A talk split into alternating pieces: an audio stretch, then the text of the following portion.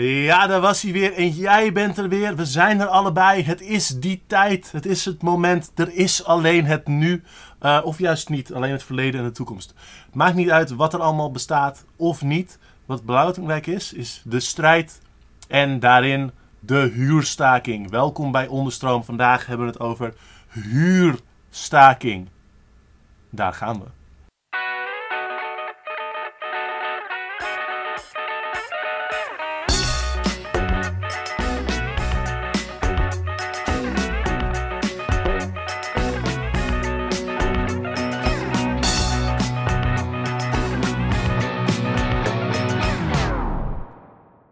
Zijn we er.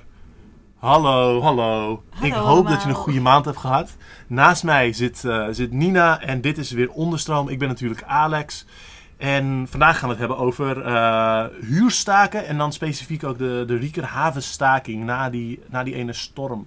Waarbij, uh, misschien hebben jullie ooit nog het filmpje gezien van zo'n zo dak dat zo rondklapperde en zo wegvloog. Ja, huurstaken vandaag. Huurstaken is een, een een soort strijktactiek, iets dat je kan doen uh, om uh, ja, zeg maar, de strijd te winnen van een, van een huisbaas. Um, en het is net als, een, net als een staking, maar in plaats van dat je ophoudt met werk, hou je op met uh, huur of servicekosten of zoiets te betalen. Daar heb ik het over met mijn gast Nina. Hallo Nina. Hallo Alex. Hoi, hoi, hoe gaat het? Ja, goed. Leuk om hier te zijn. Ja. Ja? Nice. Ik ben heel blij dat je kon komen. Kun je iets over jezelf vertellen? nou, Hi, ik ben Nina. Ik ben 27. Tijdens duurzaking 26. Ik woonde op startblok Liekerhaven, wat een uh, containercomplex was voor statushouders en jongeren in Amsterdam. En daar hebben we een huurstaking georganiseerd. En verder ben ik in mijn dagelijks leven ben ik bezig met een bordspel te ontwerpen. Oh vet, daar wil ik ook meer over horen. Super cool. Ja, nou ik heb je natuurlijk al vaker hierover gesproken. Ik ben heel enthousiast om het hier uh, te kunnen bespreken. Um, wat we vandaag dan ook willen doen is een beetje gewoon dat verhaal vertellen van die huurstaking. Um, en wat, wat er gebeurd is. En dan het daar breder te hebben over de, de tactiek van huurstaken. En ook algemeen soort van bespiegelingen, terugkijken, dingen die je mensen zou meegeven. En ook wat blijft er eigenlijk hangen na zo'n huurstaking. Um, en ook wat, mag huurstaken wel en wat, wat maakt het dan uit? Wat zijn de risico's? Allemaal van dat soort tactische thema's. Maar eerst gewoon, uh, ja, wat is er nou gebeurd? Wat is er nou gebeurd? Nou, er is een heleboel gebeurd, Alex. Je wil niet weten. Zal ik maar gewoon bij het begin beginnen? Ja, want je, je woonde in dat blok, zei je. Ja, uh, startblok, waar je toekomst begint. Met dus uh, jongeren en statushouders 50-50. Het is een complex van 565 woningen huishoudens. En deze containers, je kent misschien wel zeg maar uh, containers om in te wonen, die zijn altijd een beetje crappy. Maar deze waren ook nog eens gerecycled van een ander containercomplex. Dus ze waren echt al, ik denk 15 jaar oud of zoiets. En is dat dan ook echt zo'n container van zo'n individuele soort van scheepscontainer die tot een complete woning is gebouwd met een bassin en een douche en alles erin. En dat is gewoon... Ja, het is 50-50. Zeg maar, de ene helft waren containers. Toevallig waren dat ook de gebouwen waar het dak van afwaaide. En de andere helft is uh, wat chiquer, maar dan nagebouwd om te lijken op containers om de stijl gaande te houden. Ja, ja. Mm -hmm. ja dat is belangrijk. ja. Um, en voor wie dit niet weet, Riekerhavencomplex, dat staat, uh, dat staat dus in, in, in Amsterdam. Net, net binnen de ring, in een soort... De ring van Amsterdam heeft eigenlijk een aantal soort gekke hoeken. En dit is een soort van bij uh, waar, waar Oost, waar West en Zuid eigenlijk samenkomen. Heb je een soort, soort gekke oksel in de, in de ring. Voor mijn gevoel is het net ja, het meer zuid. Ook een beetje. En, het, en het zit precies zo zeg maar, in, in, in een soort, soort hoek bijna van de, van de ring. Dus je hebt overal om je heen hoor je zo die auto's. Mm -hmm. En, um, en dus natuurlijk allemaal snelwegaftakkingen uh, en grote kantoorgebouwen langs de, langs de snelweg. En daar zit dan opeens een soort veldje met van die containerwoningen. Ja, leuk om te weten ook waarom dat veldje dan braak ligt. Is omdat het uh, heel lang de meest vervuilde grond van heel Amsterdam is. Wat veel wil zeggen, want er zit overal heel veel lood in de grond. Maar daar al helemaal. Ze zat daar namelijk eerst een sportcomplex waar ze een tennisbaan hadden met gravel. Maar die gravel bleek extreem kankerverwekkend te zijn. Dus toen gingen ze al die, al die kankerstoffen weggraven. En daar hebben ze toen onze complexen opgezet. Terwijl ze een stukje verder nog wat verder aan het graven waren. Dus wij Gezellig. zijn als het ware de gentrificatie niet van een gezellige arbeiderswijk, maar de gentrificatie van een kankerverwekkend eh, veld. Bovendien mag je er ook niet meer dan twee verdiepingen bouwen, omdat de vliegtuigen zo laag overvliegen dat als je er meer verdiepingen op zou bouwen, dat het dan gevaarlijk zou worden. Dus dat is een beetje de setting. Wow, ja, oké. Oké, le- letterlijk dus het stinkende oksel van Amsterdam. Ja. Ehm, oké, en, en jij woonde daar? Ik woonde daar. Ik had eh, verder kon ik niks anders vinden, dus ik was super blij toen ik mijn container kreeg toegewezen. En in principe zeg maar die setting, ehm, het is een hele fijne community daar, moest ik, moest ik zeggen. Want het idee is, zeg maar, jongeren en statushouders leren elkaar kennen. En jongeren hebben dan een huis wat ze niet kunnen vinden. En statushouders kunnen dan eh, een soort van bijvoorbeeld hulp krijgen van hun buren met een moeilijke brief en zo. En dan wordt iedereen vrienden en dan wordt het allemaal gezellig en allemaal barbecuen. En dan is de multiculturele samenleving eh, daar geslaagd.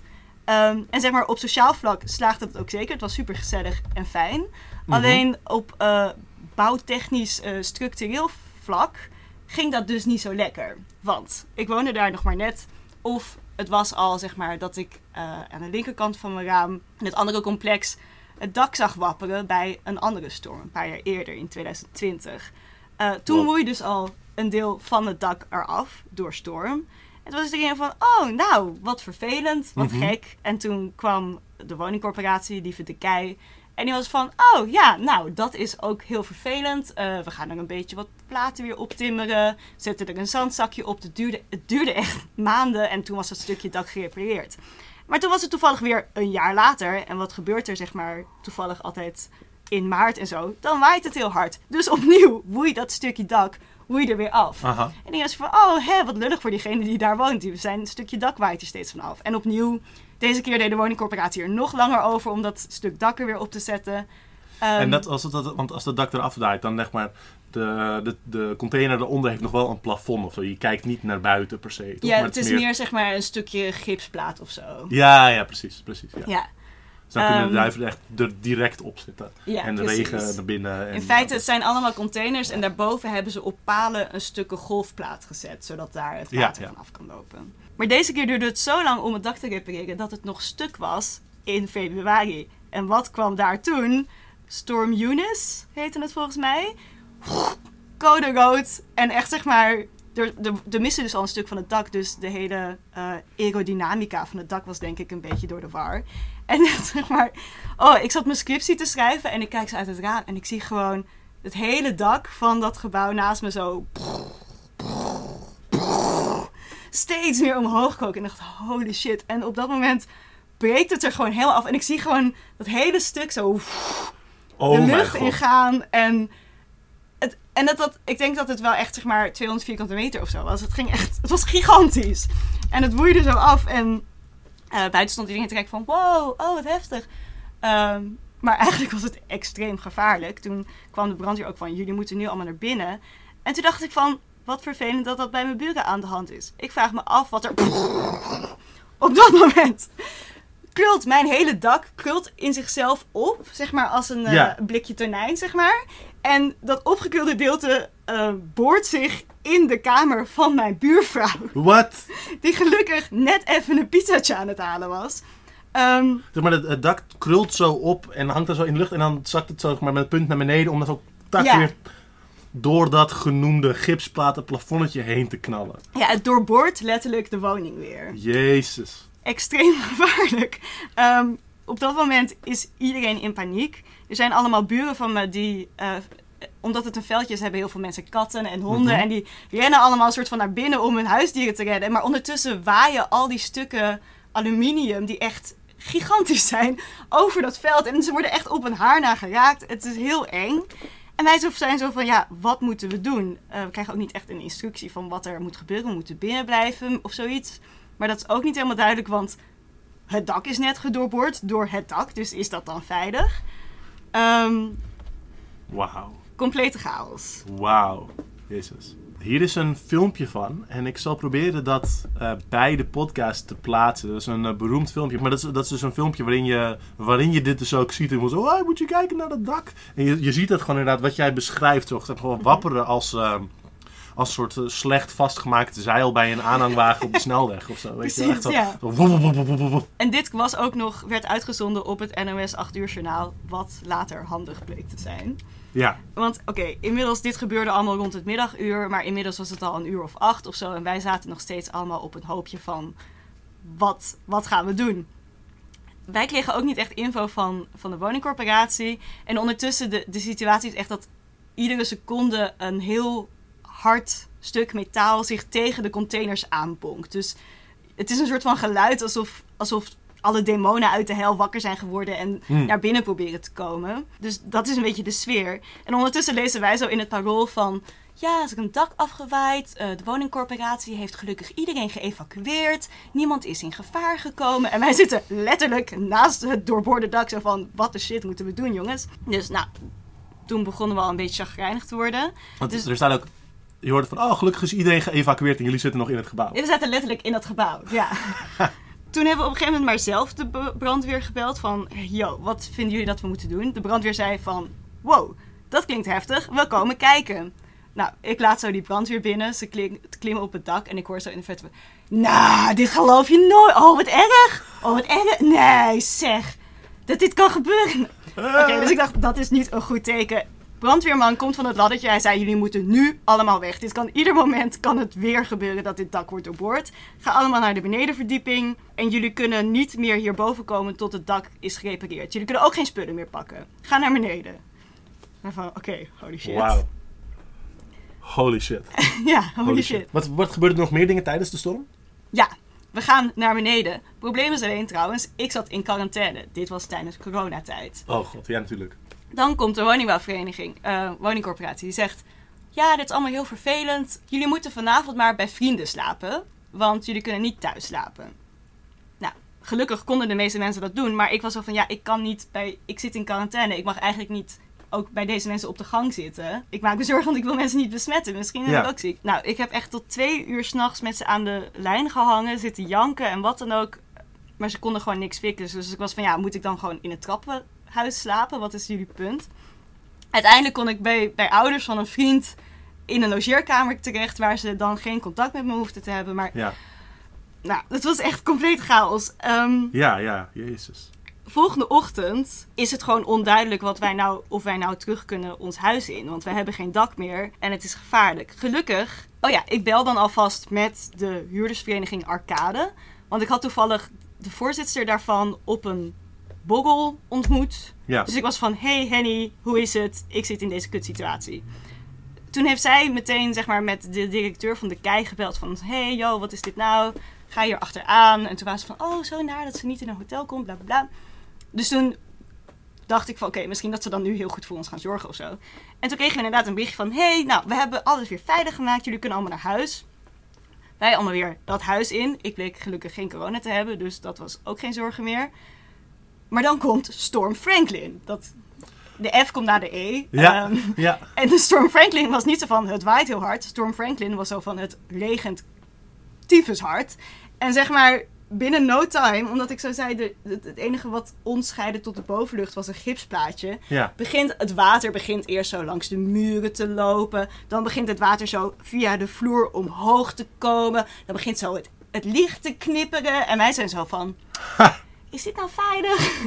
dus, wat doe je dan? We bellen de brandweer.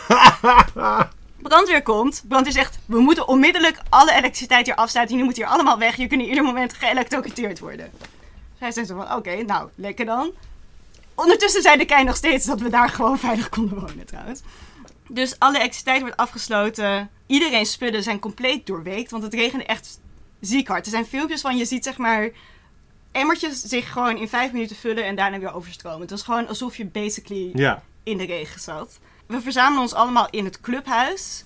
En vanaf daar zullen we dan een eh, verblijfplaats vinden in een hotel. ja. Wat gelukkig nu wel geregeld kan worden. En ik zit zo in het clubhuis en ik denk...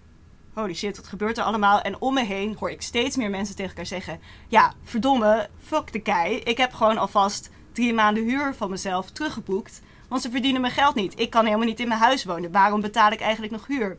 En andere mensen zijn ook zo van, ja, waarom betalen we eigenlijk nog huur? Dat slaat nergens op. Ik ga nu mijn geld terugboeken. Dus overal om ons heen zijn mensen zo van, ik boek drie maanden geld terug. Als je drie maanden je huur niet hebt betaald, kan je onmiddellijk eigenlijk worden uitgezet. Ja. Legaal gezien. Wist ik toen nog niet, maar dat, dit waren dus best Ja, grote stappen die mensen compleet individueel namen. ja, ja. ja. En onder- Maar deze mensen hadden die drie maanden vooruit betaald, toch?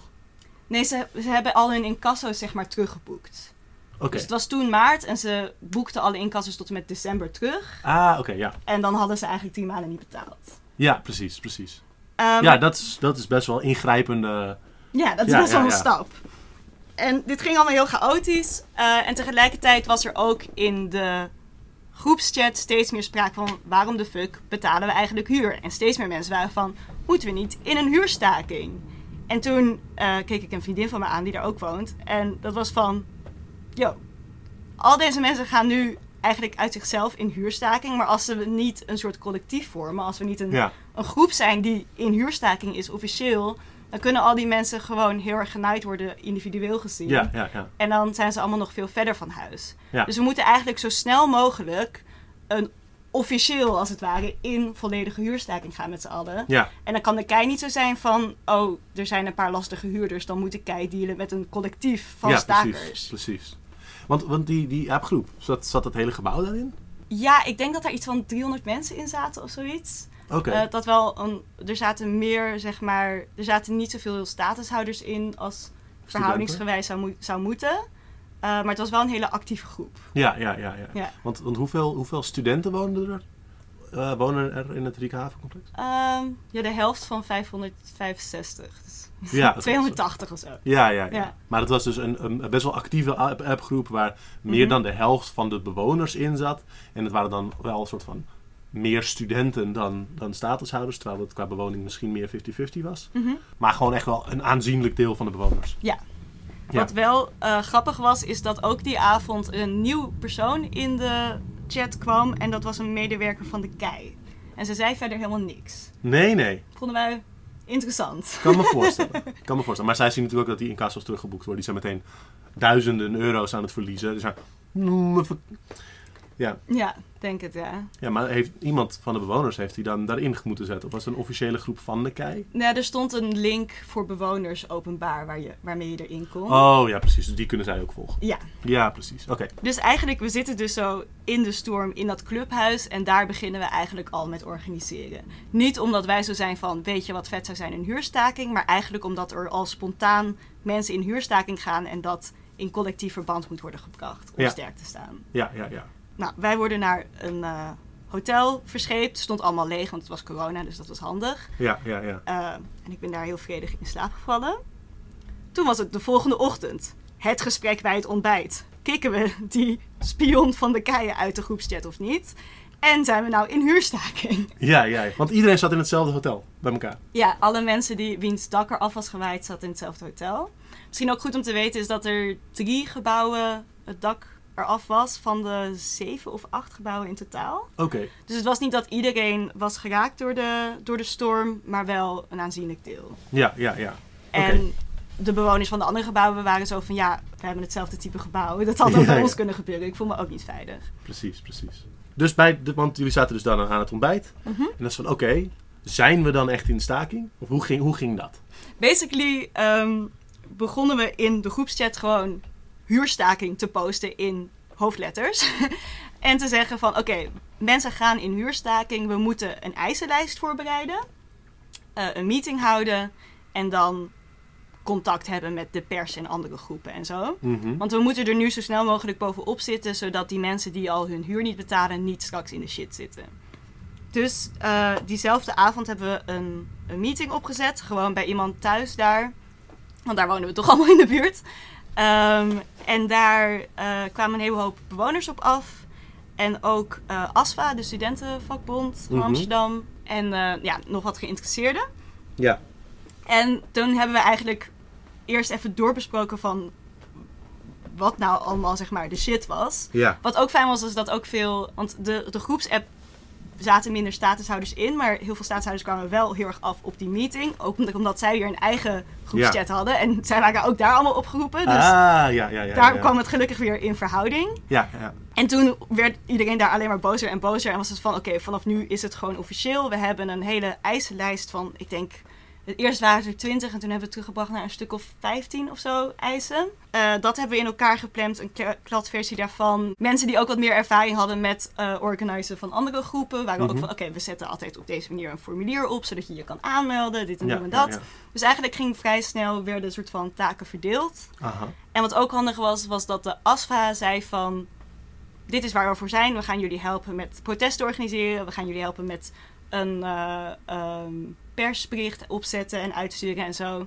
Dus eigenlijk konden we heel snel toen dingen op poten zetten. Ja. En ik denk dat we allemaal zo boos waren dat we ongeveer tien keer zoveel energie hadden als normaal. Dus ja, ja, ook. ja. Uh, dus vervolgens zat ik eigenlijk ja, weer de volgende ochtend op mijn uh, hotelbed heel boos een, uh, een persbericht te typen samen met iemand van de ASFA. Er waren andere mensen bezig met de, met de eisenlijst bijschaven en zo. En toen gingen we eigenlijk openbaar ook meteen uh, met een Instagram pagina. Oh ja, we hadden een Instagram pagina gemaakt die we eerst eventjes geheim wilden houden om alvast de naam te claimen. Maar mensen waren al zo enthousiast dat het onmiddellijk overal werd gedeeld. Dus toen Ja, was ja, het ja, ook wel van, nou ja, I guess dat het nu is gelekt. Nu zijn we ook maar gewoon in huurstaking. Dus toen hebben we ook maar meteen de, het persbericht uitgestuurd. En omdat het dus zeg maar op het 8 uur journaal was geweest en, en op AT5 en er stonden nog mensen van de Telegraaf soort van in de tuin toen wij met dat persbericht kwamen. Dus was er meteen heel erg veel interesse in. Toen had ik het op me genomen om de perswoordvoerder te zijn. Dus toen stond ik met allemaal mensen dus voor mijn ravage van mijn huis te vertellen wat ik net allemaal heb verteld, maar dan Ja. iets korter. En daar schrok de kei best wel van. Want wat een woningcorporatie eigenlijk voor een groot deel doet, is eh, nou ja, huizen natuurlijk eh, beheren. Eh, maar bij de gemeente zijn ze eigenlijk met andere woningcorporaties in competitie om zeg maar Ja. huurprojecten op te zetten en zo. Dus ze willen niet een heleboel slechte pers. Want Nee. het is niet dat ze daar failliet aan van gaan, maar ze hebben wel een soort van de goodwill van de people of zo. Ja, zo, soort van, Zo er, willen is, ze ook. er, is, er is een bepaald niveau van een soort van ellebogenwerk onderling tussen wooncorporaties om bepaalde projecten, bepaalde opdrachten te krijgen of bepaalde eh, stukken woningen onder hun beheer te krijgen misschien. Ja, en om zeg maar een nieuw pro- project op te zetten of Ja. om dat soort containers te gaan doen. Ja, dus dat, dat soort zeg maar, dingen als publiciteit zijn wel relevant voor hoe goed zij dat kunnen binnenslepen. Tenminste, dat is wat ik ervan begreep via via. Dus toen hoorden we al een beetje dat ze in de stress aan het schieten waren. Eh, we zagen ook steeds zeg maar, reacties van de kei dan zo van... Oh ja, we zijn ermee bezig, bla bla bla. Dat, dat was zeg maar de hele intense drie dagen van net de storm... en dan Ja. het opzetten van de actie of de staking. eh, en dat heel erg naar buiten brengen naar de pers en zo. En de eisen naar de kei mailen, et Ja. cetera. En toen kwamen we gelukkig in een wat rustigere fase. Poeh, ja, dus, dus dat waren die, die eer, soort van eh, de hele aanloop en dan die, die drie dagen van de storm en het uitroepen van, van de huurstaking. Ook vet om te horen dat er ook bepaalde groepen meteen al zeiden van oké, we willen jullie steunen. Dus bijvoorbeeld de ASFA, waren er ook andere groepen? De huurdersvereniging eh, zat er meteen bovenop, Arcade. Die huurdersvereniging is er voor huurders van een bepaalde woningcorporatie. En dat klinkt misschien een beetje suf, maar dit waren hele gedreven mensen die heel goed zaten in door alle bullshit van de kei heen prikken. Ja, En ze konden meteen zeg maar alles duiden van dit zeggen ze daarom, dat zeggen ze daarom. Als jullie nu strategisch zo en zo doen, dan heb je meer kans om bladibla. Dus we hadden heel erg veel aan hun, al hun ervaring en vet, eh, vet. support. Ze vonden het ook heel vet dat we meteen in staking gingen. Ehm, we hadden ook contact met de Bond Precaire Woonvormen. Eh, die waren ook heel erg van, ja, huurstaking. Maar ze hadden in het verleden geprobeerd een huurstaking op te zetten... wat niet echt van de grond kwam. En we hoopten zeg maar dat we daar een soort van ervaring alvast konden vinden. Maar dat, dat was er gewoon nog niet echt. Want Ja, voor wat wij konden vinden was de laatste volledige grote huurstaking in de jaren 80. ja, Dus dat is nogal een tijdje terug. Dus ja. het was eigenlijk een beetje onontgonnen terrein. Ja. We, wilden ook, we zochten ook steun bij Stichting Woon. Maar dat was best wel lastig. Want wat er bij Stichting Woon is heel erg een, heel erg een legale organisatie. En zeg maar, de voorman daarvan is volgens mij best wel van, oké, eh woonstrijd, bla Maar in contact met wonen was het de hele tijd van, dit is een illegaal ding om te doen. Dit mogen jullie niet doen. Jullie krijgen hier problemen mee. Ja, ja, En wij ja. probeerden steeds uit te leggen van, we weten dat dit niet mag, maar dit is een vorm van protest, daarom doen we het. Kunnen jullie please aan ons uitleggen wat ons te wachten staat? Want niemand had hier ervaring mee en wij dachten van, ja, we kunnen niet nu allemaal mensen gaan oproepen om mee te doen met deze staking als wij niet weten wat de juridische consequenties kunnen zijn. precies, precies. Dus precies. eigenlijk is het meeste werk direct na het opzetten van de eh, staking geweest. Wat zijn de juridische consequenties? Wat kunnen we verwachten? Ja, ja, en ja. hoe schrijven we dit in een, begrijp, eh, in, een, in een tekst die voor iedereen begrijpbaar is in het Nederlands, Engels, Tigrinya en Arabisch? Want Ja, veel mensen spraken maar één van die talen. ja, ja, ja. Oké. Oké, vet. Ja, dus eh, allerlei steun vanuit alle kanten, maar dus ook inderdaad bepaalde groepen, bijvoorbeeld Stichting Woon, waarvoor het gewoon heel erg buiten hun gewoonte was. En ook, ja, ja. Oké, vet. Dus, dus hoe ging het dan daarna? De eerste drie dagen waren voorbij. Ja. Wat gebeurde er toen? Ehm, toen hebben we via Bond Precaire Woonvormen een goede huurrechtadvocaat eh, op de kop getikt. Ehm, en hij kon ons heel erg helpen met een duidelijke lijst maken van wat we juridisch konden verwachten en hoe we ons het beste konden indekken. En toen hebben we een heel erg een. We wilden een heel kleine flyer maken, maar eigenlijk twee volle A4'tjes geschreven aan legale informatie, juridische informatie en ons eisenlijst en hoe je kan meedoen en zo. Dat hebben we. We wilden eigenlijk langs alle deuren gaan, maar vanwege corona lukte dat niet. Dus dat hebben we bij iedereen op de deur geplakt. Mhm. En als je dan meedeed aan de staking, dan was de andere kant van de flyer stond heel groot op eh Rieker Rentstrijk. Zodat iedereen dat in een raam kon hangen. En dan zag je langzamerhand alle ramen in de Ja, buurt ja. vol hangen met Rentstrijk. Ja, precies. Dus je, je gaf ze eigenlijk de, de informatieblad. Mhm. En als je dan dat omgekeerd, zodat je het zelf kon lezen, eh, op je raam hing, dan liet je zien dat je meedeed. Ja, En want op de achterkant stond een, een acties te poster eigenlijk. Ja. Vet. Inderdaad. Eh, en we zijn ook vrij snel, eh, wilden we demonstratie opzetten bij de KEI. Om daar zeg maar eh, verhalen te delen van bewoners, omdat, omdat dat niet echt naar voren kwam. En om een hoop lawaai te maken bij de KEI zelf, terwijl ze daar aan het werk waren. Dat is vrij snel opgezet. Eh, volgens mij heeft de Autonomous Student Struggle ons nog heel erg geholpen met banners maken en bordjes maken en de demonstratie opzetten. Asfa heeft er ook heel erg mee geholpen. Super cool. En toen ja, stonden we binnen een paar dagen eigenlijk voor het hoofdkantoor van de KEI. En tegelijkertijd gingen we ook in onderhandelingen met de KEI. Want Oké, ja. Wij hadden zo die eisenlijst naar ze gestuurd. En toen hadden ze een heel diplomatisch mailtje teruggestuurd met... Wat jammer dat jullie geen fijne huurervaring hebben. We willen graag eh, jullie verhaal horen. En toen was huurvereniging Arcade zo van... Dit is onzin, jullie moeten nu schrijven. Wij gaan niet een verhaal vertellen. We willen onderhandelen over onze eisen of we praten niet. En toen waren ze zo van... Oh ja, oké, we gaan wel in onderhandeling. Want dat, dat, maakt, dat maakt uit natuurlijk. Of het is van, oh, we komen jullie aanhoren met het gevoel van, dan, dan, dan hebben jullie je zegje gedaan. En dan gaan we allemaal kalm, kalmere geesten, als kalmere geesten gaan we weer naar huis.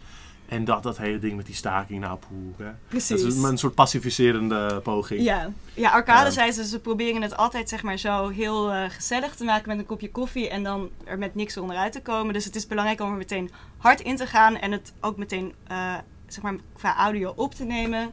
Zodat als er eh, toezeggingen worden gedaan, dat die toezeggingen op tape staan en dat die Ja. ook hard gemaakt moeten worden. Ja. Want het is natuurlijk een, een mondelinge afspraak is rechtsgeldig. Mhm, Maar als je het niet hebt opgenomen, dan is het natuurlijk eh, hun woord tegen het jouwe. Precies. Wat ook nog trouwens relevant is, is dat we vlak nadat we de huurstaking hadden uitgeroepen, was de KEI toch wel een beetje geschrokken. En dus kwamen ze met een delegatie met de directeur en nog mensen wat van wonen naar ons huis toe. En toen wilden ze daar in gesprek gaan met de getroffen mensen van mijn blok specifiek. Dus dat zou uiteindelijk maar een groepje van vijf mensen worden. En wij waren allemaal van, nou ja, voor, voor transparantie en zo is het belangrijk dat iedereen dit kan horen. Dat wilden ze absoluut niet. Dus toen heb ik besloten om de volledige meeting te livestreamen op ons Instagram-account. Oké. Dat kan je terugkijken, want dat is heel erg grappig.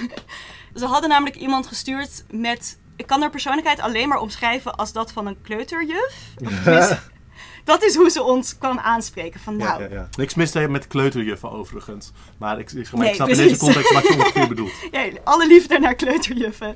Ehm, alleen de manier waarop ze naar ons toe kwam was van... Ja, lieve huurders, ik snap dat het allemaal heel eng en vermoeiend is. Maar maak je geen zorgen. Wij, de professionals, weten dat het allemaal veilig is. Dus je kan nu weer lekker naar huis.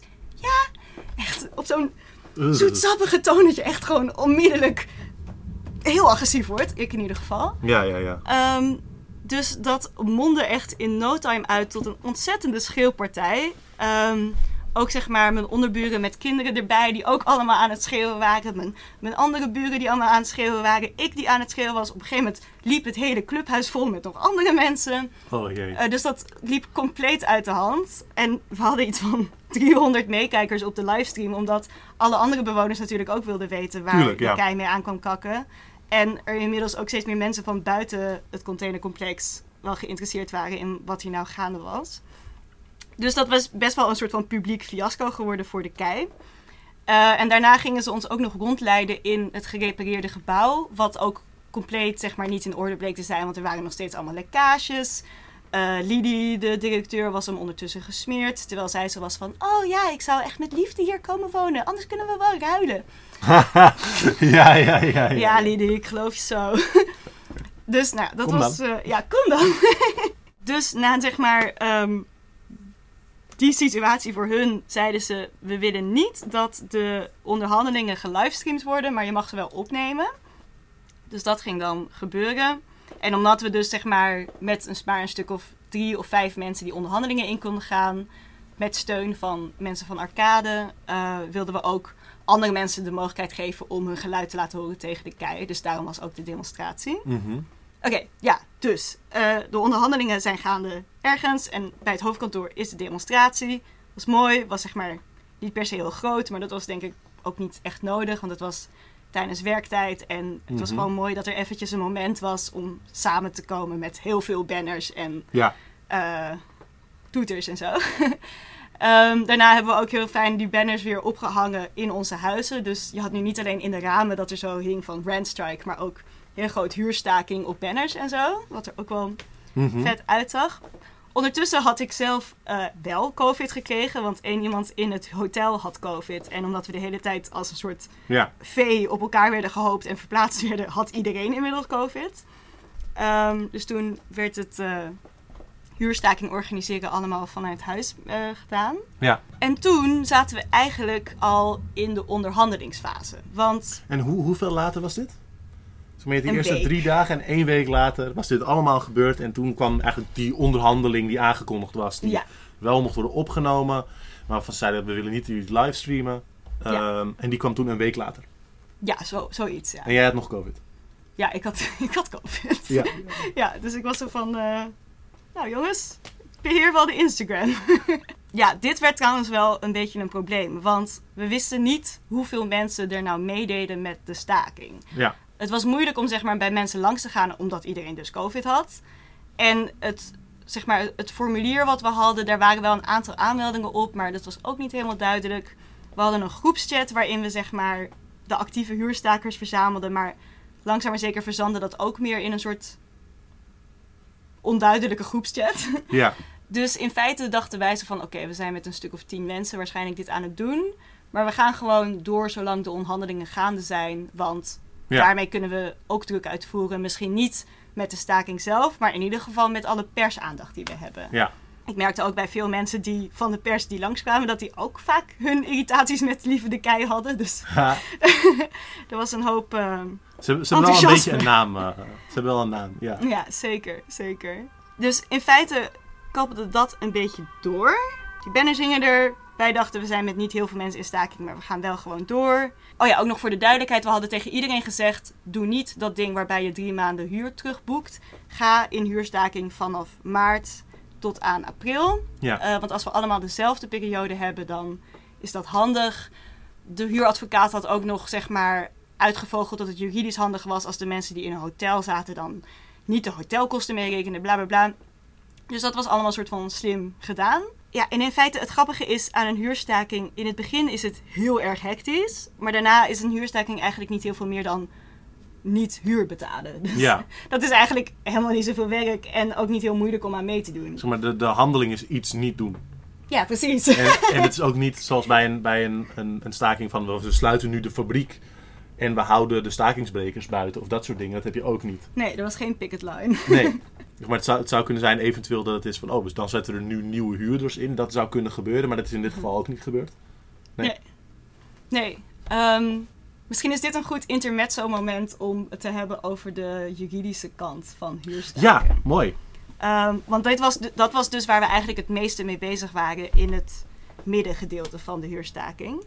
Ehm, want staken in general, als je voor je werk staakt, dan is dat allemaal heel duidelijk ingekaderd. En dan ben je ook beschermd door de wet. Je mag niet worden ontslagen omdat je in staking gaat. In, in Nederland heeft een van de meest repressieve stakingswetten, eh, in ieder geval in, in Europa volgens mij, waar er heel weinig mag qua staken.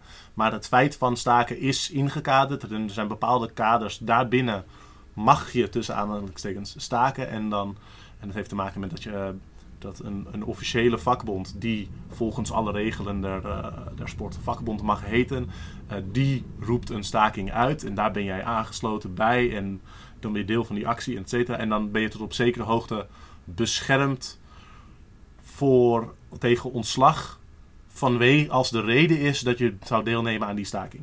Dus daar zit een bepaald soort bescherming in dat dat mag. En dat is bij huurstakingen misschien anders. Ja, wij gingen zo naar de eh, advocaat toe van, nou, wat zijn de regels rondom huurstaken? En hij zei, er zijn geen regels, jullie zijn gewoon ordinaire wanbetalers. Ehm, dus ja, je bent op geen enkele manier eh soort van beschermd of zoiets als huurstaker. In feite ben je gewoon een collectief van mensen die niet de huur betaalt. ja, Dat betekende dus wel dat een, deze huurstaking eigenlijk een veel riskantere staking is dan, of een, dan een actie of een demonstratie of een, of een werkstaking of zoiets. Het was wel. Het ding is, voor de details kan je later contact met me opnemen. Maar bijvoorbeeld, als je drie maanden lang je huur niet betaalt, dan ga je naar de rechter en dan is de kans groot dat hij je huis uitzet. ja, Dus men, eh, daarbovenop komt er ook nog als je niet ingaat op de aanmaningsbrieven, dat er dan een incassobureau kan worden ingezet. En dan moet je Ja. ook nog de incassobureaukosten betalen. Je moet de advocaatkosten betalen. Dus dat kan best wel snel oplopen tot heel erg veel geld. ja. En je kan je huis kwijtraken. Dus het is niet niks om in huurstaking te gaan. Eh, ook al gingen we allemaal zo enthousiast in het begin eh, Ja, er ja, lekker vol in. Dus een groot deel van waar wij mee bezig waren was dat duidelijk maken aan mensen. En dan plannen maken voor wat er zou gebeuren als dit zou escaleren. ja. Ehm, dus er waren plannen om benefieten te organiseren. Het was belangrijk dat we tegen iedereen duidelijk maakten dat ze wel absoluut hun huur opzij moesten zetten. Dat ze niet daar nu eh, andere dingen mee moesten gaan betalen. Want de kans is groot dat je uiteindelijk dat moet betalen. En misschien nog wel meer. Dus eh, in sommige gevallen bij huurstakingen maken ze een collectieve stakingspot. Zodat je ook echt fysiek niet bij je eigen geld kan. Eh, maar dat hebben we in dit geval niet gedaan.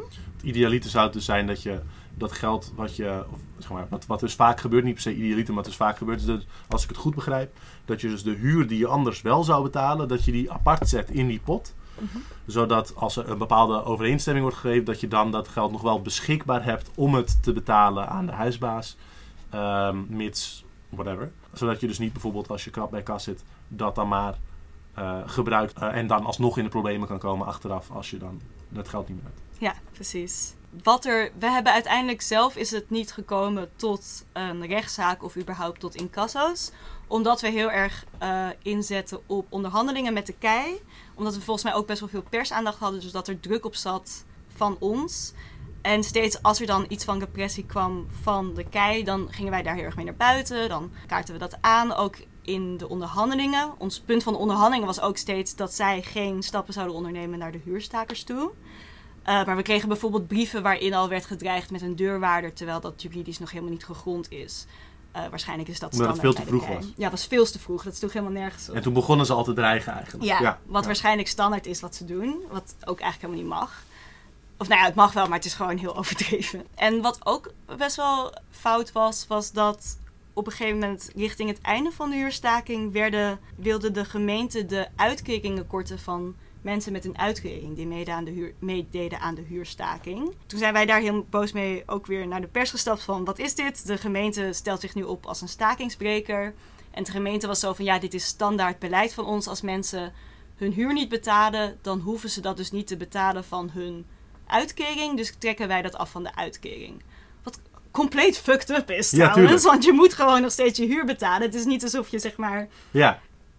Ja, Je hebt natuurlijk dat deel van je uitkering nog steeds nodig. ja, ja. ja. Alsof, je, alsof, eh, alsof er een, een uitkomst ging zijn dat de kei meer dan, weet ik veel, een week of twee van die huur zou kwijtschelden, überhaupt. Ja. Of ik weet niet eens of dat deel van de eisen was trouwens. Maar ehm, ja, als zelf, nou stel die staking duurt een paar maanden en je krijgt al die dingen niet en is het afgelopen, dan, dan is het wel, dan gaat die huur betaald worden. Want je, ja, of, of in ieder geval een groot deel daarvan. Ja, precies. Ja, ja. Dus dat waren twee belangrijke delen waarbij wij, waarop er zeg maar tegen ons stappen werden ondernomen. Ja, Maar we hielden het, probeerden het de hele tijd soort van gebalanceerd te houden door die onderhandelingen gaande te houden en te zeggen van, kijk, wij escaleren niet als jullie niet escaleren en laten we dit gewoon uitpraten. want hoe, hoe gingen die onderhandelingen dan? Wat was die interactie? Was dat e-mail? Wat was dat? Was in het begin e-mails met dat we zeg maar de eisen heen en weer stuurden en toen eh, tijdens de eer- het eerste gesprek werd er een plan gemaakt van oké, we gaan zoveel eh, gesprekken voeren over verschillende groepen van eisen. Eentje over gebouwen, eentje over de sociale veiligheid, eentje over eh, de kei en de huurders onderling, hoe die verhouding lag.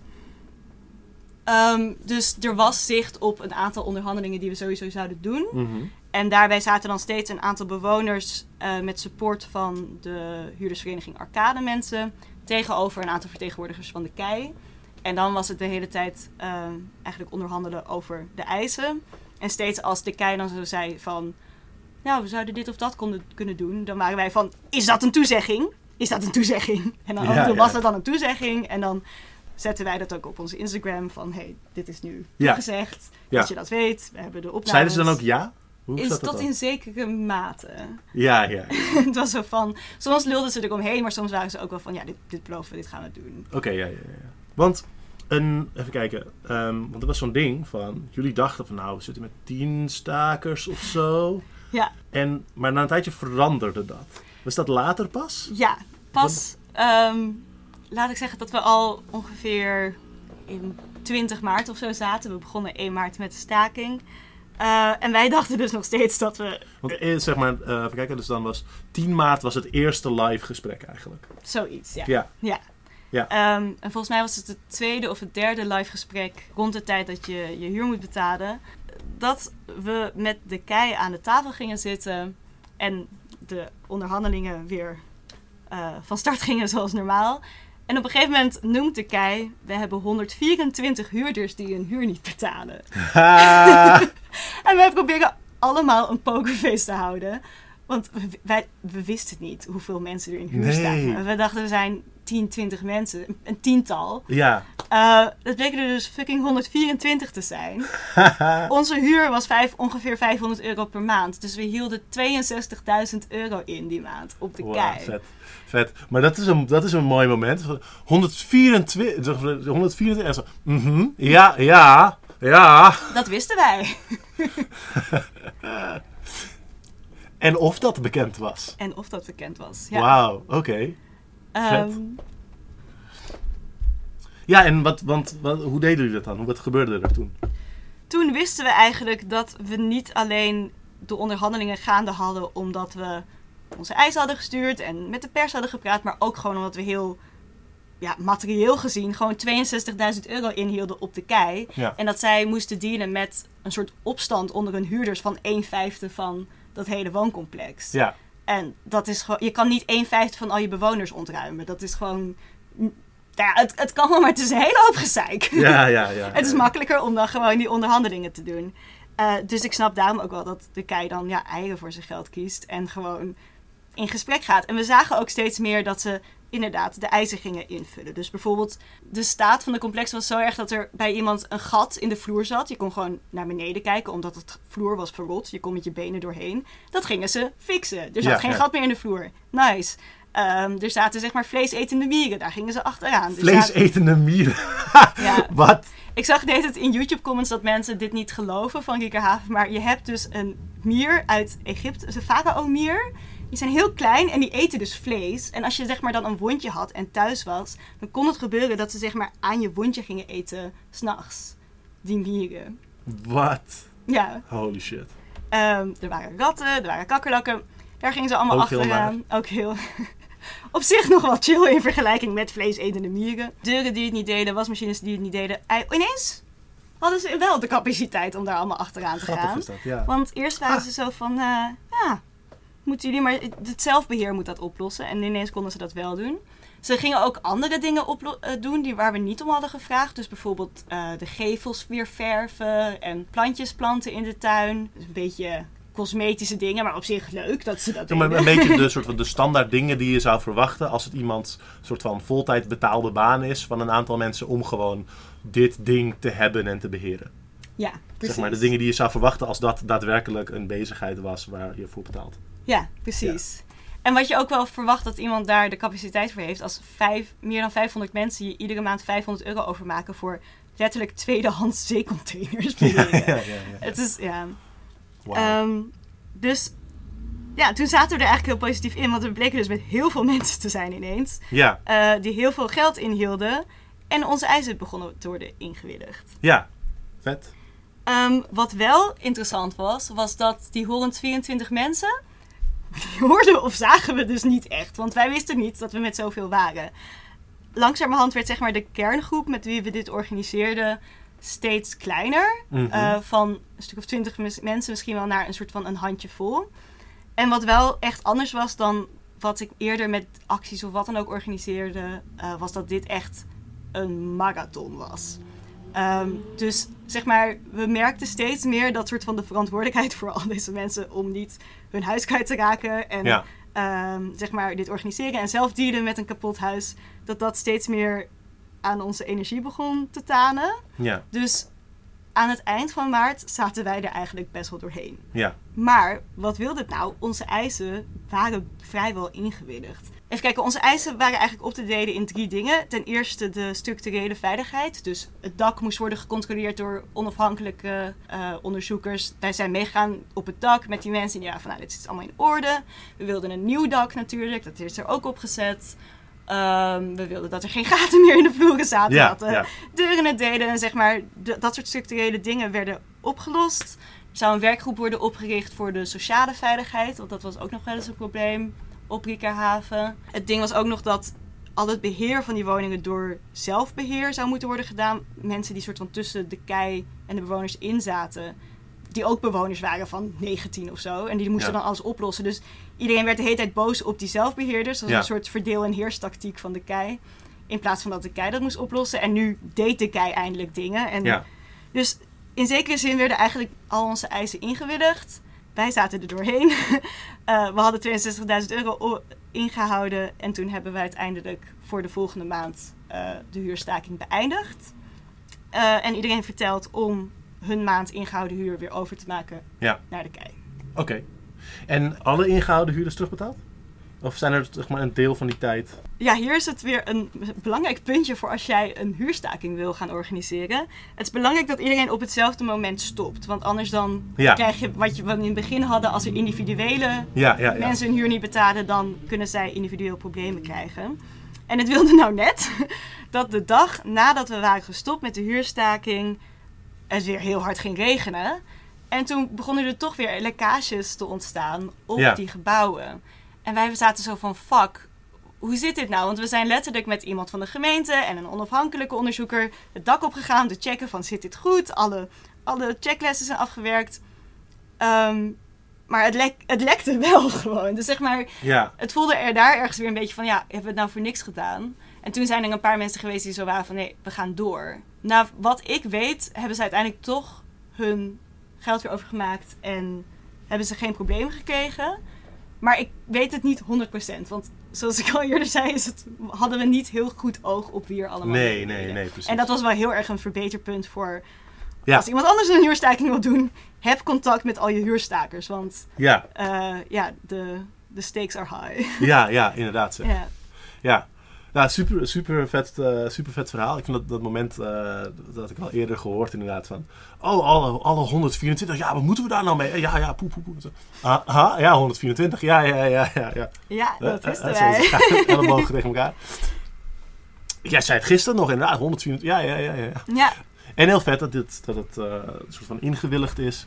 En het is natuurlijk een best wel unieke situatie eigenlijk. Het is een heel dramatische schade. Heel veel in het nieuws, heel duidelijk zichtbaar.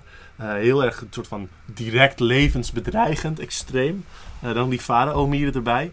Um, dus, dus niet een soort van heel erg standaard herhaalbaar ding. Maar wel heel interessant. En, en ook vet dat dit gewoon iets is dat dat kan gebeuren en dat, dat kan winnen. Ondanks dat ook bijvoorbeeld die advocaat zegt: Het is gewoon het Wilde Westen. Je bent nu gewoon. Uh... ja. Hey, even dan iets anders tussendoor. Ik zit hier nog steeds met, uh, met Nina. We hebben even pauze van het verhaal over de huurstaking. En er is namelijk een ding. Nina, jij zei iets. Ah, ik doe ook iets met bordspellen. Jij hebt een heel vet politiek bordspel gemaakt en jij bent daarmee bezig. Wat is dat? Ik maak een. Uh augmented bordspel. Dus een bordspel wat niet alleen een bordspel is, maar ook een computer gebruikt. Om daarop te simuleren hoe we Nederland gaan runnen na het kapitalisme. Want we zitten altijd allemaal met het probleem: wat komt er na, uh, na het kapitalisme? Capitalist realism. We zitten er allemaal mee. Um, dus mijn spel uh, gebruikt een algoritme wat wordt gebruikt voor economische planning.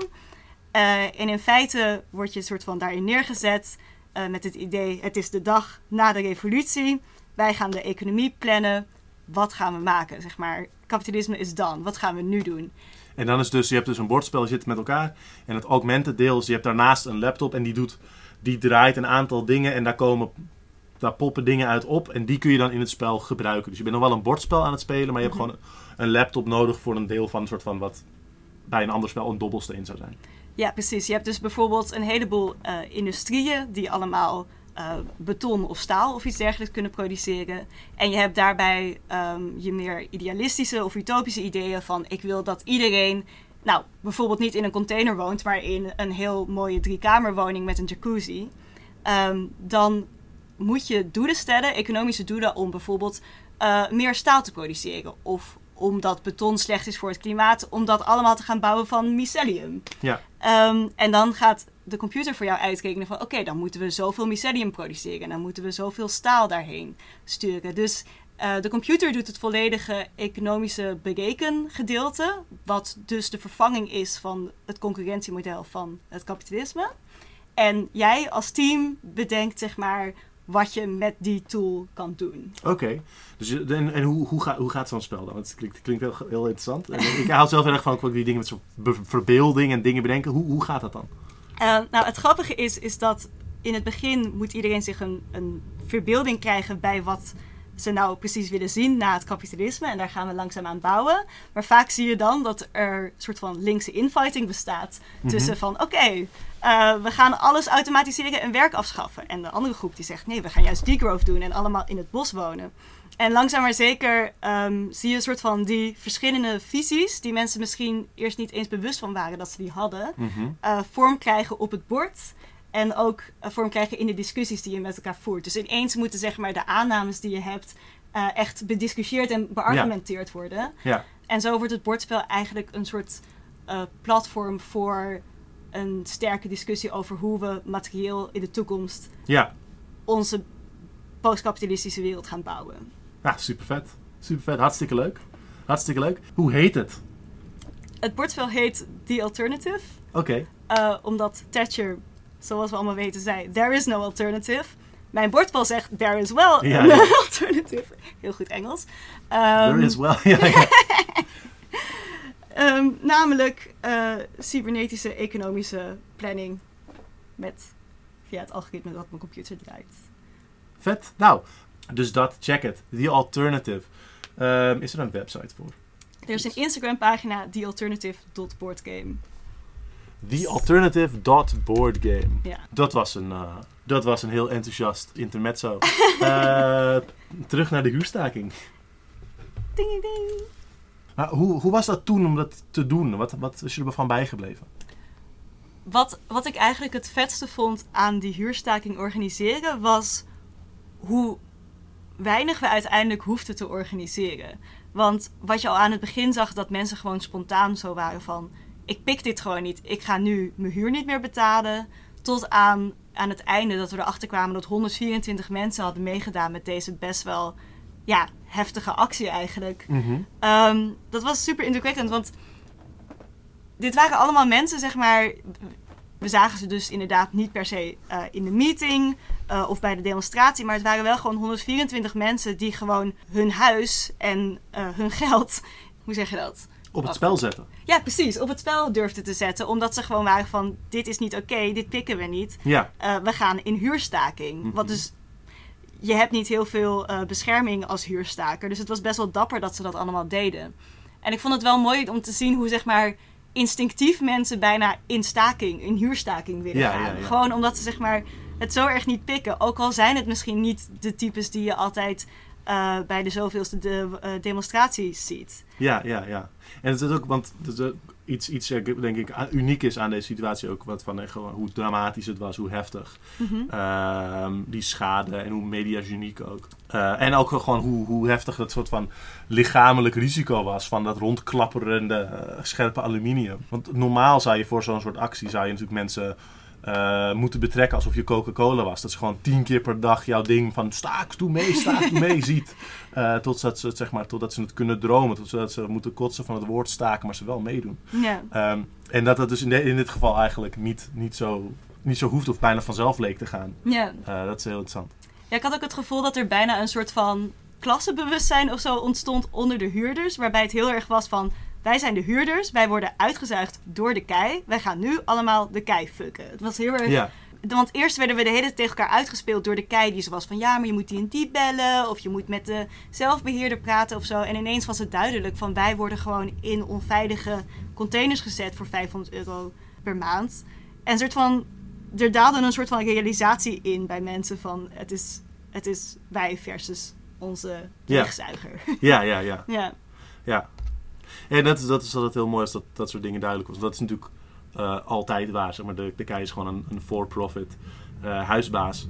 ehm, die gewoon eh, huizen soort van heeft en beheert. En gewoon mensen daar huur van uittrekt. Die mensen gewoon dagelijks aan het werk dat te kunnen betalen. Terwijl de KEI helemaal niet die huizen gebouwd heeft. Of Nee. dat het helemaal niet die, dat gekost heeft. Die, die, die, ja, die containers waren al tweedehands. Die zijn al drie keer boven de kop betaald. Ja. Ehm, dat, is gewoon, dat is gewoon klaar. Het enige wat ze mogelijk zouden verdienen is wat ze aan onderhoud deden. En je zag wat daaraan gebeurde.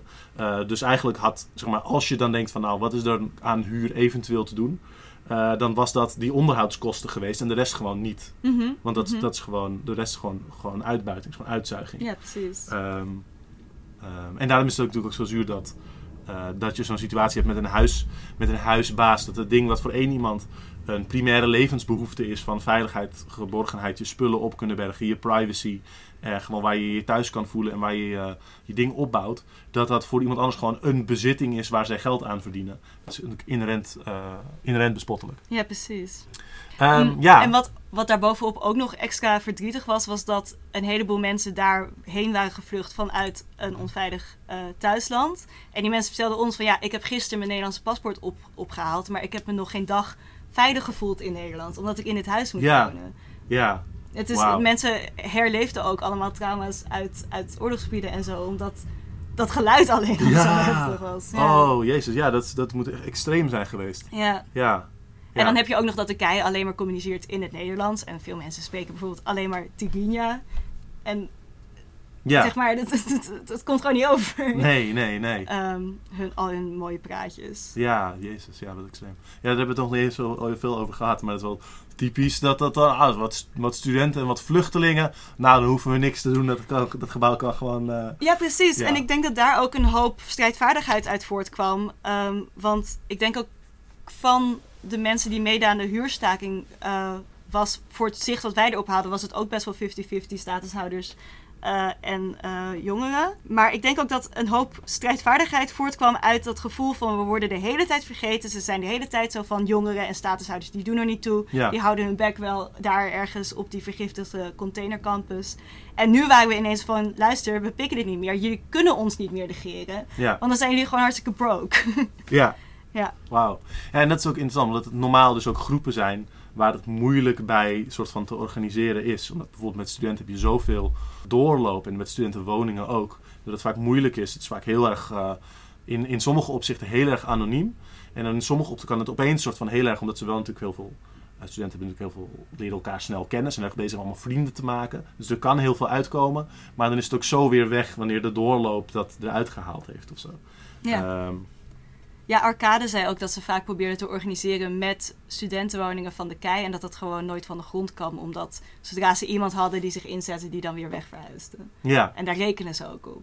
ja, ja, ja, ja, precies. En dat is dat hele soort van geatomiseerde. Iedereen moet eh, als, eh, als een los persoon machteloos tegenover een instituut onderhandelen. Het instituut die heeft een één op één relatie met al die bewoners die dan eh, dus nul de dienst uit kunnen maken. Mhm. Ja, maar het klonk wel alsof het een soort van spannend is. En je vertelt het ook met zo'n gusto alsof het wel... En, eh, maar jullie waren na die maand wel heel erg op. Ja, ik was na die maand wel echt even gesloopt. Hmm. Toen hebben we hem dus eh, ook beëindigd. En hebben we het eventjes soort van zijn beloop laten gaan. Omdat we gewoon niet meer de capaciteit hadden om er heel erg bovenop te zitten. Er zou nog een bewonerscommissie worden opgezet. Maar dat ging ook niet heel hard meer. Ehm, ik had het persoonlijk helemaal ge- gehad nog steeds met mijn eigen woning. Dus ik ben uiteindelijk wegverhuisd. Dus daar heb je inderdaad toch die, Mhm. die eh, verloop en moeite met organiseren die je dan toch weer tegenkomt. Met als eh, dieptepunt misschien wel dat er een paar maanden later, dit gebeurde allemaal in maart en het andere, ja, ik, nog, nog, nog datzelfde jaar, brandde heel blok 5 af en blok 6 werd onbewoonbaar. Ehm, hetzelfde gebouw waarvan dus een paar maanden eerder het dak eraf was gewaaid. Eh, en dit gebeurde dus in totaal zijn 135 mensen hun woning en hun spullen gewoon volledig kwijtgeraakt. Wow. Eh, er zijn zes of zeven katten omgekomen en een hagedis. Wow. Ehm, gelukkig geen mensen gewond geraakt of, of, of omgekomen of iets dergelijks. Maar gewoon gruwelijk. Het is Gewoon dat- 135 gebouw, woningen is gewoon een straat. Dat is gewoon een straat. Datzelfde gebouw is gewoon datzelfde jaar. Of in ieder geval twee van die gebouwen zijn hetzelfde jaar door een brand onbewoonbaar geworden. En Ja. is gewoon helemaal afgebrand. Ja. Wat? En, en ehm, is, daar, is daar toen ook iets van actie uitgevolgd? Hoe is dat gegaan?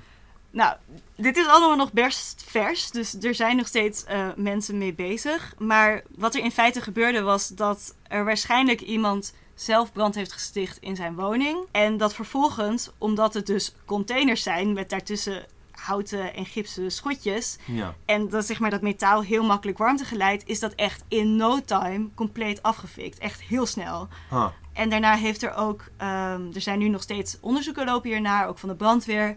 Maar degene die ook het onderzoek heeft gedaan destijds naar de Schipholbrand, eh, was er van, het is compleet onverantwoordelijk om hier mensen in te laten wonen. Het, het is gewoon niet brandveilig.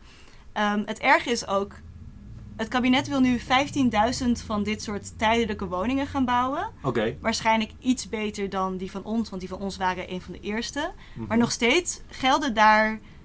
Als je een gebouw bouwt in Nederland, dan moet je dat doen naar het bouwbesluit 2012.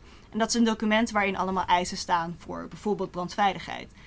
En als je die ernaast zegt, dan staan er 17 regels voor brandveiligheid van normale betonnen gebouwen. Ja. En maar voor een tijdelijk gebouw van wat maar 15 jaar blijft staan, gelden daar maar twee van de 17 regels voor. Dat gaat erom dat een gebouw niet in een half uur moet instorten als het in de fik staat, want dan lig je Ja. daar misschien onder. En dat de trappen waarmee je kan vluchten ook lang eh, zeg maar niet moeten branden. Dus van metaal of iets dergelijks moeten zijn. Maar al die andere regels over brand inperken, brand voorkomen, ervoor zorgen dat het zeg maar niet zich heel snel verspreidt en dan niks meer eh, bruikbaar is. Dat geldt allemaal niet voor tijdelijke woningen, want die moeten worden gemaakt van aluminium en eh, gipswandjes en niet van degelijke betonnen stalen constructies. En, en wan, wa- hoeveel tijdelijke shit maken ze? Waarom, wanneer is iets tijdelijk? Een tijdelijke woning, dingen als containers, maar ook van die, van die flexwoningen, dat zijn woningen die 15 jaar kunnen staan, max. Ja. En eh, minister De Jonge en al die andere houten methoden, die willen nu de woningcrisis zogenaamd oplossen door mensen in allemaal tijdelijke woningen te schuiven. Die dus onveilig zijn, niet alleen brandonveilig, maar ook eh, structureel, zeg maar, Hmm. zoals wij hebben gezien. En dat, geldt dan, dat telt dan ook gewoon weer lekker mee met, oh kijk, we hebben wel meer sociale huurwoningen. Maar basically, in mijn ogen, creëren ze gewoon nieuwe sloppenwijken waarin mensen in onveilige woningen moeten wonen omdat ze niks anders kunnen krijgen. Ja. En over 15 jaar zijn al die mensen weer dakloos. Waar moeten ze dan wonen als je niet de wooncrisis daadwerkelijk hebt opgelost? Ja, ja dat, dat- je kan me voorstellen dat er van alles gebeurt. Ehm, dat die huizen toch nog, nog een keertje gebruikt worden. Dat die scheepscontainers een, een nieuw leven ergens anders Precies krijgen. zoals is gebeurd met mijn container. Ja, Ehm, soms kan, kan tijdelijk toch nog wel even door blijven duren. En er zijn allerlei dingen die daarin gebeuren. Maar het is, het is, het is, het is extreem, uh, het is extreem heftig. Ja. Um, maar mensen zijn er dus wel mee bezig. En er is wel een soort van beweging rondom die brand. Er, is, er, er zijn mensen organiseren zich hier omheen. Maar wat wel, waar de emotie met de storm vooral, uit, vooral boosheid en strijdvaardigheid was... Merk, merk ik nu heel erg dat zeg maar... Ten eerste is er een duidelijke zondebok. Want iemand heeft zijn eigen huis in de fik gezet. Met, hij had uh, mentale problemen en zo. Uh, maar Mhm. veel mensen richten daar hun boosheid op. Terwijl die huizen, Ja. de constructie daarvan, gewoon niet deugt. Dus dat is niet, dat, dat is niet Want- zijn fout. Wat, want die, die, pers- die persoon zeg maar, dus, dus dat de- heeft het eigen huis in de fik gestoken. Ehm, zeg maar, dat, dat kunnen allerlei dingen. Het kan zijn, iemand had een fout met een pan. Of er kan iets zijn van, wat, wat, is, de, wat is de toedracht? Eh, waarschijnlijk een jongen met een trauma, volgens mij. eh, het is een statushouder die hier naartoe is gevlucht. En hij heeft allemaal traumatische dingen meegemaakt. ehm, eh, zeg maar voordat hij hierheen naartoe kwam. En die mentale problemen uiten zich al langer op Riekerhaven. Hij was ook volgens mij al opgenomen. ja, Ehm, en dit is allemaal niet 100% zeker, hè? want zeg maar, er moet Ja, nog ja, onderzoek ja. worden gedaan. Maar dit is wat ik hoor van eh, medebewoners. Dus er waren al langer zeg maar, zorgen rondom hem. ja, Ehm, en ze zeggen daar dat hij soort van op een gegeven moment is geflipt en dat dit is gebeurd. Eh, het ding was ook nog eens dat er al politie aanwezig was toen dit gebeurde. Dus het is Ja. niet. Ze, de, de kei is nu bijvoorbeeld allemaal brand, brandmelders aan het ophangen en zo. Maar het punt is niet dat zeg maar, die brand niet op tijd is opgemerkt. Het punt is dat. Zeg maar, dat het gewoon als een luciferdoosje in de lucht ging. ja, als, als jij een pand te lang op het vuur laat staan en er ontstaat brand, dat betekent niet dat vervolgens dit hele woonblok af nee, precies, precies. Zeg maar, huizen zijn zo gebouwd, gelukkig, dat zeg maar die brand ja, enigszins ja, ja. beperkt kan worden. Dus ook, ook als iemand iets doet dat daadwerkelijk onveiliger is dan een pan te laten te lang opstaan of whatever, daar kan van alles mee gebeuren. Maar ook als iemand iets, iets heftigers doet, hoort zo'n gebouw gewoon niet op die manier de lucht in te Ja, maar dat geldt dus wel voor alle flexwoningen, want die worden niet gebouwd op veiligheid. Die worden gebouwd op eh, mensen die niet superrijk zijn, daar allemaal in te sjoffelen. Eh, en dan mogen wij allemaal in onveilige woningen wonen. Hm. Ja, extreem up. Ja. Oh ja, Eh. maar eh, omdat dit dus, zeg maar, nu ook nog bovenop die storm komt, zijn mensen nu best wel depressief en Ja, moe en zit gewoon de pit er niet heel erg in. Laat ja ik het precies. zeggen. precies. Ja, Ja, ja dat, is, dat, is wel, eh, dat is wel jammer om te horen. ja Dat is wat, ik ook heel erg snap, want zeg maar, waar moet je de mentale energie vandaan halen om, eh, om te organiseren als, als je al je spullen kwijt bent? Als je zeg Ja. maar bijna dood bent gegaan. Dat is. Ja. Dat is ja, met, met, met je dak eraf, dan kan je nog zo zijn van, oh haha, crazy, laten we iets doen. Maar Ja. ja, dit gaat gewoon zo diep. Ja. ja, en heel vervelend dat die, eh, ja, dat die, die sfeer dan dus ook zo, zo, zo anders is vergeleken met die, die heel strijdbare sfeer van eerder. Maar daarom is het ook denk ik juist goed om dat verhaal van die, van die eerdere strijd te delen en dat als, eh, eh, als mogelijk zeg maar, voor, voor, voor bepaalde dingen als voorbeeld te kunnen gebruiken en laten zien van nee, maar dit, dit kan en je kunt daarmee winnen en je Mhm. kunt daar dingen uithalen en, ehm, en eh, ook als dingen niet per se altijd in wettelijke kaders gegoten zijn eh, om je een bepaalde veiligheid te, te bieden, kun je alsnog dingen bereiken. Precies. Ja, Ehm, wat, want wat we ook niet moeten vergeten is dat de huurstaking, dat hebben wij niet verzonnen. Een huurstaking is heel lang een belangrijk wapen in het arsenaal van de woonstrijd geweest. oh ja. Ehm, in de jaren 30 was, eh, waren, gingen heel erg veel mensen in huurstaking. Want ja, in de jaren 30, eh, economische crisis. Heel veel mensen die in al die arbeiderswoningen woonden, konden gewoon hun eten niet meer betalen. En daarom gingen zeg maar hele wijken, vooral in Rotterdam en Amsterdam, in huurstaking. Allemaal onder het motto, eerst het eten, dan de huur. Ja, Dus in feite, we betalen de huur niet totdat we voldoende geld hebben om in ieder geval eten te kunnen kopen. En dat was echt gigantisch. Ik weet dat bijvoorbeeld in de Mercatorbuurt, dat daar zo'n beetje de hele wijk eh, zijn huur niet meer betaalde. aha. En het vette was dan ook dat als een, eh, huisbaas dan, als een huisbaas dan over wilde gaan op een eh, uitzetting, een huisuitzetting, ja. dan stroomde gewoon de hele straat vol met 6000 mensen. Zo erg dat de smeris gewoon niet eens meer in de straat kon komen om die mensen het huis uit te zetten. Of als het weer zover kwam, dan gingen ze allemaal eh, de meubels redden via de tuin. En dan werden die allemaal meegenomen. ja, ja. En daarna brachten ze ze gewoon weer allemaal terug. En dan zat diegene daar weer. Vet, vet. Er waren laatst waren er eh, foto's van ergens uit, eh, volgens mij ergens in, in Londen of ergens in Engeland, dat misschien, eh, maar goed, ergens, ergens over het water ergens. Dat er ook mensen bezig waren. We wouden een, een, een aantal mensen uit, eh, uitzetten. En dat gewoon die hele straat gewoon zo was volgelopen dat gewoon de hele, de hele politieauto gewoon alleen nog maar, zeg maar over mensen had kunnen rijden. Ehm, en omdat het gewoon zo vol stond dat ze gewoon niet konden bewegen. Ja. Ehm, ehm, ja, dit was ook ons plan voor mocht het zover komen op Riekerhaven. Dan gaan we gewoon met zoveel mogelijk mensen allemaal op Riekerhaven zitten. Zodat ze gewoon niet ons eruit kunnen zetten. eh, ja. ja. Maar dat, dat Ehm. gebeurde dus toen, was toen heel soort van een heel gebruikelijke, of in ieder geval een, een, een toen was die huurstaking een tactiek die veel werd gebruikt Mhm. vanwege die bredere soort van eh, huurprijs. eh, Ja, dat was heel erg kosten een- van leven. een economische reden om in huurstaking te gaan. In de jaren tachtig had je ook veel huurstakingen. Of omdat de huur te duur was. Ehm, je had ook een wijk waar veel Molukkers woonden die een huurstaking deden om renovatie van hun huizen af te dwingen. Mhm. En, maar langzamerhand werd de huurstaking eigenlijk steeds minder nodig, omdat de huurcommissie kwam en andere bescherming van huurders, waardoor eigenlijk ze er soort van wel uitkwamen. Dus Of, in feite. in ieder geval, dus, dus het kwam niet meer tot de strijd en het was meer Precies. een manier om, eh, om daar soort van vreedzaam uit te komen voordat er actie en huurstaking is. Manieren deels om een soort van mededinging en bepaalde beveiligingen, maar dus ook een, een, een kwestie van pacificatie en cooptatie. Ja, inderdaad. Maar inmiddels zijn we niet meer zo heel erg gepacificeerd. Ja, Omdat eh, nou ja, de woningcrisis er ook gewoon zo erg is. ehm, dat we in feite ook weer een beetje in die situatie zitten waarin eh, onze voorouders in 1930 eigenlijk ook in zaten. Eh, en we dus gewoon lekker weer de huurstaking kunnen afstoffen. ja, Hij is nog even illegaal als vroeger. En we hebben nog, meer mensen waarschijnlijk om in de straat te kunnen staan. ja, ja. ja. Eh, dus let's go. Ja, vet. vet. En, eh, en je zou dat inderdaad, zeg maar, want nu is het dus om een of andere soort van, nou een of andere, maar een soort van een, soort van dramatische calamiteit, die gewoon heel onwerkelijk eruit zou zien als het in een actiefilm zou gebeuren. maar je zou dat dus ook in theorie voor economische redenen kunnen doen, of voor eh, een soort van dingen over weet ik wel, eh, rechten en zelfbeschikking of whatever. Ja, shout-out naar wij weigeren de huurverhoging. Want ja, technisch gezien is dat eh, ook een huurstaking. Maar wat zij doen is eh, legaal. Je mag namelijk je huurverhoging weigeren.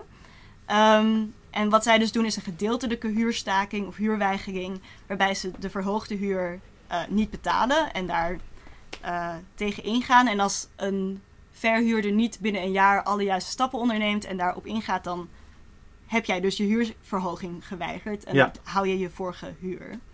Ehm, goed om te weten is dat je dus, wat wij hebben gedaan, een, je kan in een volledige huurstaking gaan. En dat is de meest dramatische en eh, juridisch gevaarlijke huurstaking die je kan doen. Maar je kan ook, en dat is eigenlijk gewoner, eh, in een gedeeltelijke huurstaking gaan. Eh, en dan sta je juridisch ook sterker, omdat de rechter dan bijvoorbeeld kan zeggen van... Ja, jullie hebben gelijk, eh, dit deel voor bijvoorbeeld de servicekosten hoefden jullie niet te betalen. Bladibla. Dus als je een gedeeltelijke huurstaking wil gaan organiseren, kan je dat bijvoorbeeld met een huurrechtadvocaat bekijken en daar tot een percentage komen wat slim is eh, Ja. en minder gevaarlijk.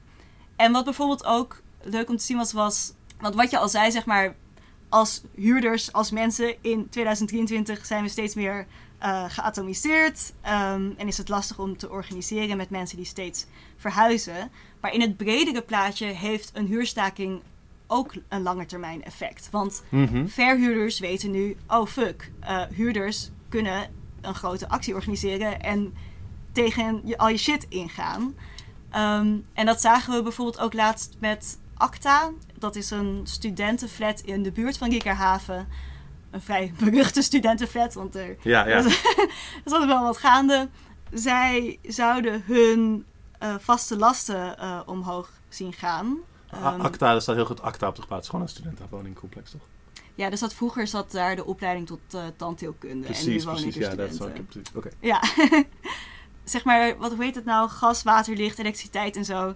Eh, dat zou zo'n beetje verdubbelen door de verhuurder. En waardoor mensen hun huur echt heel erg veel omhoog zouden gaan. Voor een kamer die gewoon best wel crap is eigenlijk. Je deelt een keuken met, ik geloof, een stuk of twintig mensen. Hm. En zij zeiden, nou ja, als dit doorgaat, dan gaan wij gewoon met z'n allen eh, dat gedeelte van de huur niet betalen. Want dit kan niet. Dit kunnen wij letterlijk niet betalen. En we pikken het ook niet dat ze dit doen. En daar was ook weer een heel, best wel wat zeg maar, lokale persaandacht voor en zo. Zou misschien een, een actie worden opgezet. En toen was de gemeente en de verhuur toch zo van... Ah jongens, Ja. weet je, misschien kunnen we toch tot een oplossing komen. Jullie hoeven niet, zeg maar, hier allemaal stennis over te gaan schoppen. En nu hebben ze inderdaad dat de gemeente Ja. een oplossing heeft gevonden hiervoor. Dus dan zie je toch dat de dreiging tot bijvoorbeeld een huurstaking... ook al eh, een soort van steun kan zijn voor huurders in het algemeen. Ja, ja, ja.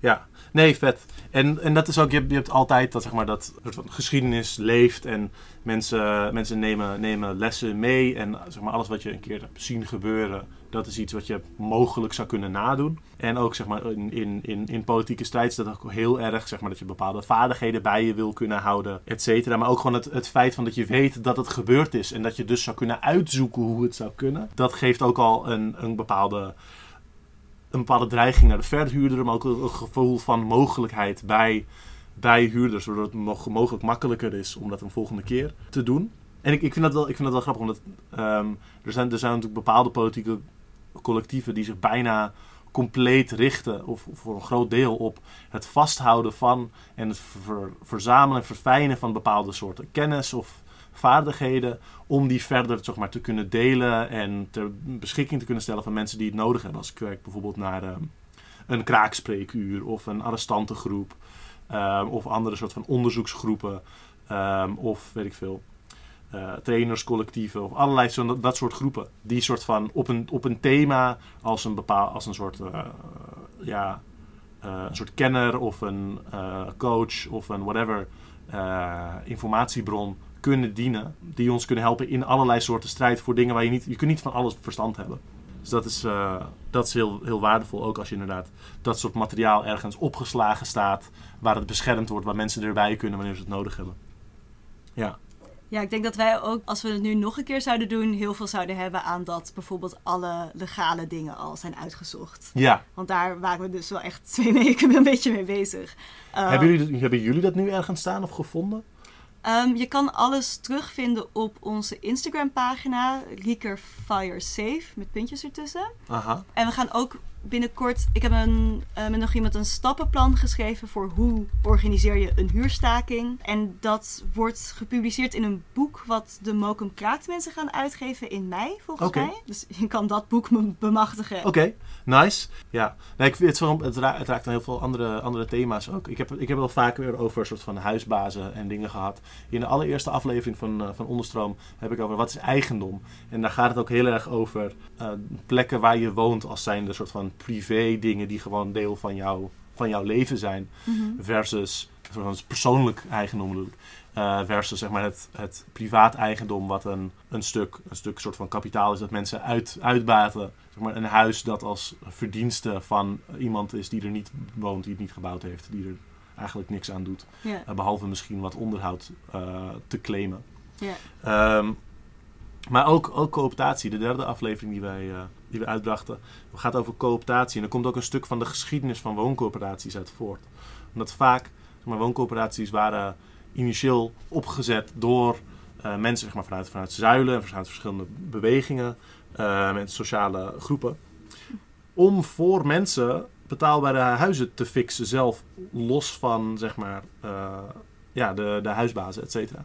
Ehm, en het feit dat die dus nu full circle gewoon private, of sorry, pseudo-private eh, huisbazen zijn geworden. ehm, dat is eigenlijk een heel tragisch verhaal. Dat zit in die, in die aflevering deels. Ehm, omdat die, zeg maar, deels in de, met van de tijd van de hoogtijd van sociaaldemocratie in de staat eigenlijk op zijn genomen van een soort van dingen vanuit stukken gemeenschap naar een publieke instelling. En toen, toen het publiek bestel verrechtste, hebben zij dat geprivatiseerd en eh, alle mededinging van leden van corporaties soort van eruit gesloopt en het steeds meer tot een be- bedrijf gemaakt dat winst moet maken. En ik denk dat dat ook een reden is waarom je nu veel van deze problemen krijgt en veel van de, de prijsstijging in de, eh, in, op de huizenmarkt, et cetera. Omdat die, die, die grote corporaties, die gewoon een belangrijke speler daarin zijn, gewoon meedoen in dat hele. We moeten gewoon geld verdienen en dat wordt, wordt afgedwongen. En alles wat eh, geld kan verdienen, Dat wordt geprivatiseerd en alles geld, wat geld soort van zou moeten kosten voor zoiets, dat wordt lekker in de publieke eh, ruimte gehouden. Mhm, mhm. Ehm, en, eh, en dat is gewoon een, een vorm van, van, van diefstal van gewone mensen. Een laatste ding. Ik weet niet of dit, zeg maar, in, in jouw geval in dit verhaal zit misschien lastig te plaatsen, maar ehm, weet jij over bij, zeg maar, als er zo'n huurstaking is, blijft er iets van organisatiegraad hangen? Of is er iets waarop je kan, kan doorbouwen? In ons geval, eh, zoals ik ook vertelde met de brand, is het eh, een beetje uit elkaar gevallen. Zeg maar, het plan was om ook een bewonerscommissie en dat soort dingen Mhm. op te zetten en daarmee door te bouwen. Maar ik denk dat je in een breder plaatje dat daar wel een zekere organisatiegraad blijft hangen. Omdat we nu bijvoorbeeld ehm, als iemand bij de Bon- Bond Precaire Woonvormen zou aankloppen met... hey, ik wil een huurstaking organiseren. Dan zou ik soort van met ze in contact kunnen komen en zeggen van... yo, dit is Ja, hoe we ja, dat ja. doen. Precies. Ehm, dus ik denk zeg maar op bij ons lokaal misschien minder sterk dan gehoopt. ja, Maar ik denk in bredere zin in de woonbeweging eh, dat we dit nu wel kunnen gaan toevoegen als, ja, ja. als inzet, als Vet. tactiek. Vet, ja. Ja, en dat, dat is ook dan, dan, dan nou, zeg maar, klassiek zou je dan denken van, blijft er iets hangen van de organisatie? En dan is het van, oh, we hebben toen die staking gevo- gewonnen. En daarna werden we een hechtere buurt die echt zijn mannetje staat of zo. En dat is, dat kan misschien in sommige gevallen zo zijn, maar als je ook een situatie beschrijft van een enorme doorloop van heel veel mensen die ook elkaars taal niet spreken en eh, met, met allemaal studenten en sowieso zeg maar hoe geatomiseerd we zijn, is het Ehm, in sommige gevallen misschien heel waardevol, maar vaak best wel moeilijk ook om een buurt soort van gepolitiseerd te organiseren. En er zijn heel erg eh, vette buurtinitiatieven die daarmee werken. En mensen die er heel veel moeite in steken. Mhm. Ehm, of so- soms ook juist heel, eh, hele rechtse mensen die dat juist heel interessant vinden. Ehm, maar er zijn andere manieren om dit ook een soort van zijn gevolg te laten hebben.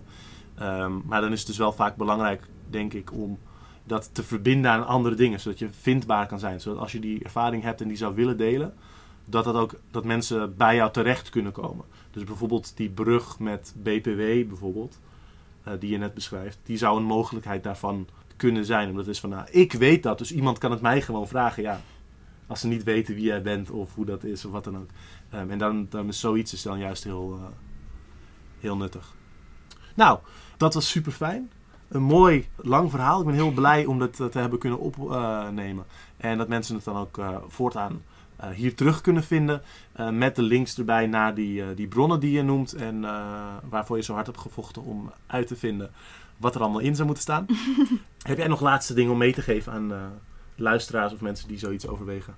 Ik denk heel basaal praat met je buren en leen suiker bij ze en zit in de groepschat. Want ik denk dat zeg maar dit allemaal niet van de grond had kunnen komen als er niet van tevoren al wel een, iets van een community Ja, was bij ons. Verder, eh, ja, fuck verhuurders, laten we ze lekker bang maken, zodat ze niet meer kunnen flikken wat ze ons de hele tijd flikken. mhm. En sloopt kapitalisme. vet, vet. Dan houden we het eh, daarbij, heb ik niks aan toe te voegen. Eh, tot volgende maand.